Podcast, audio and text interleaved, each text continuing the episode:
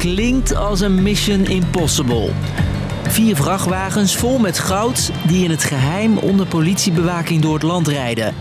Waarde dik 10 miljard. Er liggen hier 14.000 goudstaven ongeveer. En nog eens de tegenwaarde van 1000 goudstaven in de vorm van muntjes. Dat goud ligt nu weer veilig opgeslagen in een nieuwe megakluis in Zeist. Nee, daar kom je niet bij. Dat is een ontzettend goed beveiligd terrein. Waarom hebben we eigenlijk zoveel goud?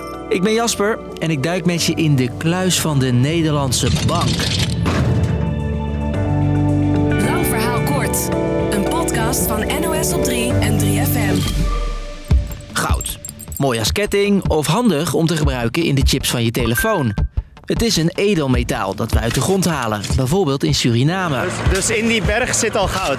Ja, en die materiaal. Wanneer we het gaan wassen, ertussen. Een groot voordeel, het is geld waard, want het is zeldzaam en iedereen wil het hebben.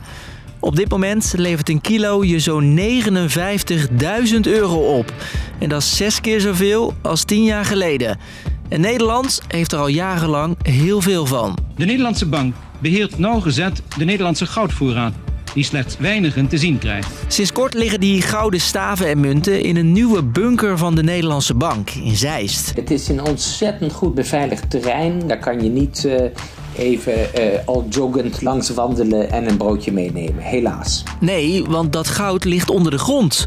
Aart Hoebe van de Nederlandse Bank, die je net hoorde, is als een van de weinigen ooit in die kluis geweest. Dan is er een hele grote zaal met hele dikke muren. Daar zijn er ruim 200 ton die in Nederland zit, eh, is daar opgestapeld. Dus eh, daar zijn eh, stellages waar die goudklompen allemaal op liggen. Het is verder heel saai. Het is een hele serene, rustige, kille ruimte. Maar daar ligt lang niet al ons goud. We hebben nog drie keer zoveel, ruim 600.000 kilo in totaal. En dat ligt verspreid over de hele wereld. We hebben het dus op dit moment op vier locaties opgeslagen. In Nederland in Zeist, in Londen, in New York en in Canada. Het ligt daar veilig opgeslagen in kluizen van de centrale banken.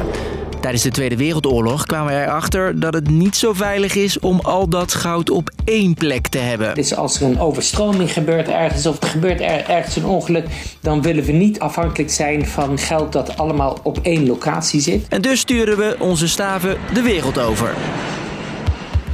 Maar hoe komen we eigenlijk aan dat goud? Come to negotiate, eh? Have you, you slimy? Ja, piraten, dat is waar ik aan denk als we het over gouden munten hebben. Maar zo komen we er niet aan.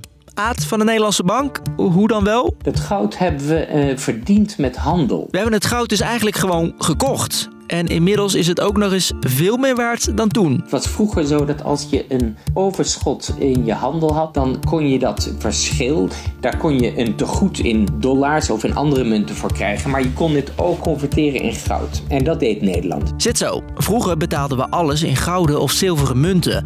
Op een gegeven moment kwam daar geld voor in de plaats. Maar om te zorgen dat die briefjes ook echt wat waard waren, werd de waarde gekoppeld aan onze goudvoorraad.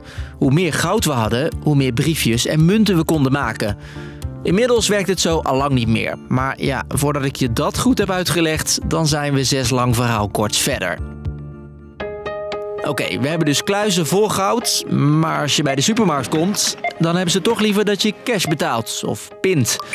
Dus wat hebben we nu eigenlijk nog in al dat goud? Het is een soort verzekering, het is een soort een zekerheid die je aan alle mensen in Nederland geeft dat ze vertrouwen kunnen hebben in, in ons geldstelsel. Je hoort goudexpert Aart Hoebe weer.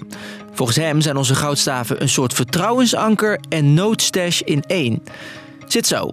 Omdat we weten dat de Nederlandse bank genoeg reserves heeft, vertrouwen we erop dat ons briefgeld zijn waarde behoudt. En we niet morgen ineens weer de guldens van zolder moeten halen. En als het echt misgaat, dan is er dus nog een backup. Nou, allerlei omstandigheden kunnen ertoe leiden dat er een crisis is in Europa. En dan kan je beslissen op dat moment om het goud in te zetten. Maar dat is dus wel echt in extreme gevallen, hè? Als Europese banken omvallen en het geld wat jij nog onder je matras en in je oude sokken hebt liggen, niks meer waard is. In die extreme gevallen kunnen we dus terugvallen op ons goud. Want dat behoudt ook in de extreemste gevallen zijn waarde. Geld kan je bijdrukken, goud blijft zeldzaam en daardoor ook gewild en dus veel waard. Maar het is niet zo dat als Rutte nog eens een paar miljoen ergens voor nodig heeft... Ik, ik zoek naar de balans. hij even naar de Nederlandse bank kan fietsen. Dus, lang verhaal kort. Nederland heeft voor zo'n 30 miljard euro aan goud. 4000 van die staven liggen in een nieuwe superbeveiligde bunkerkluis in Zeist.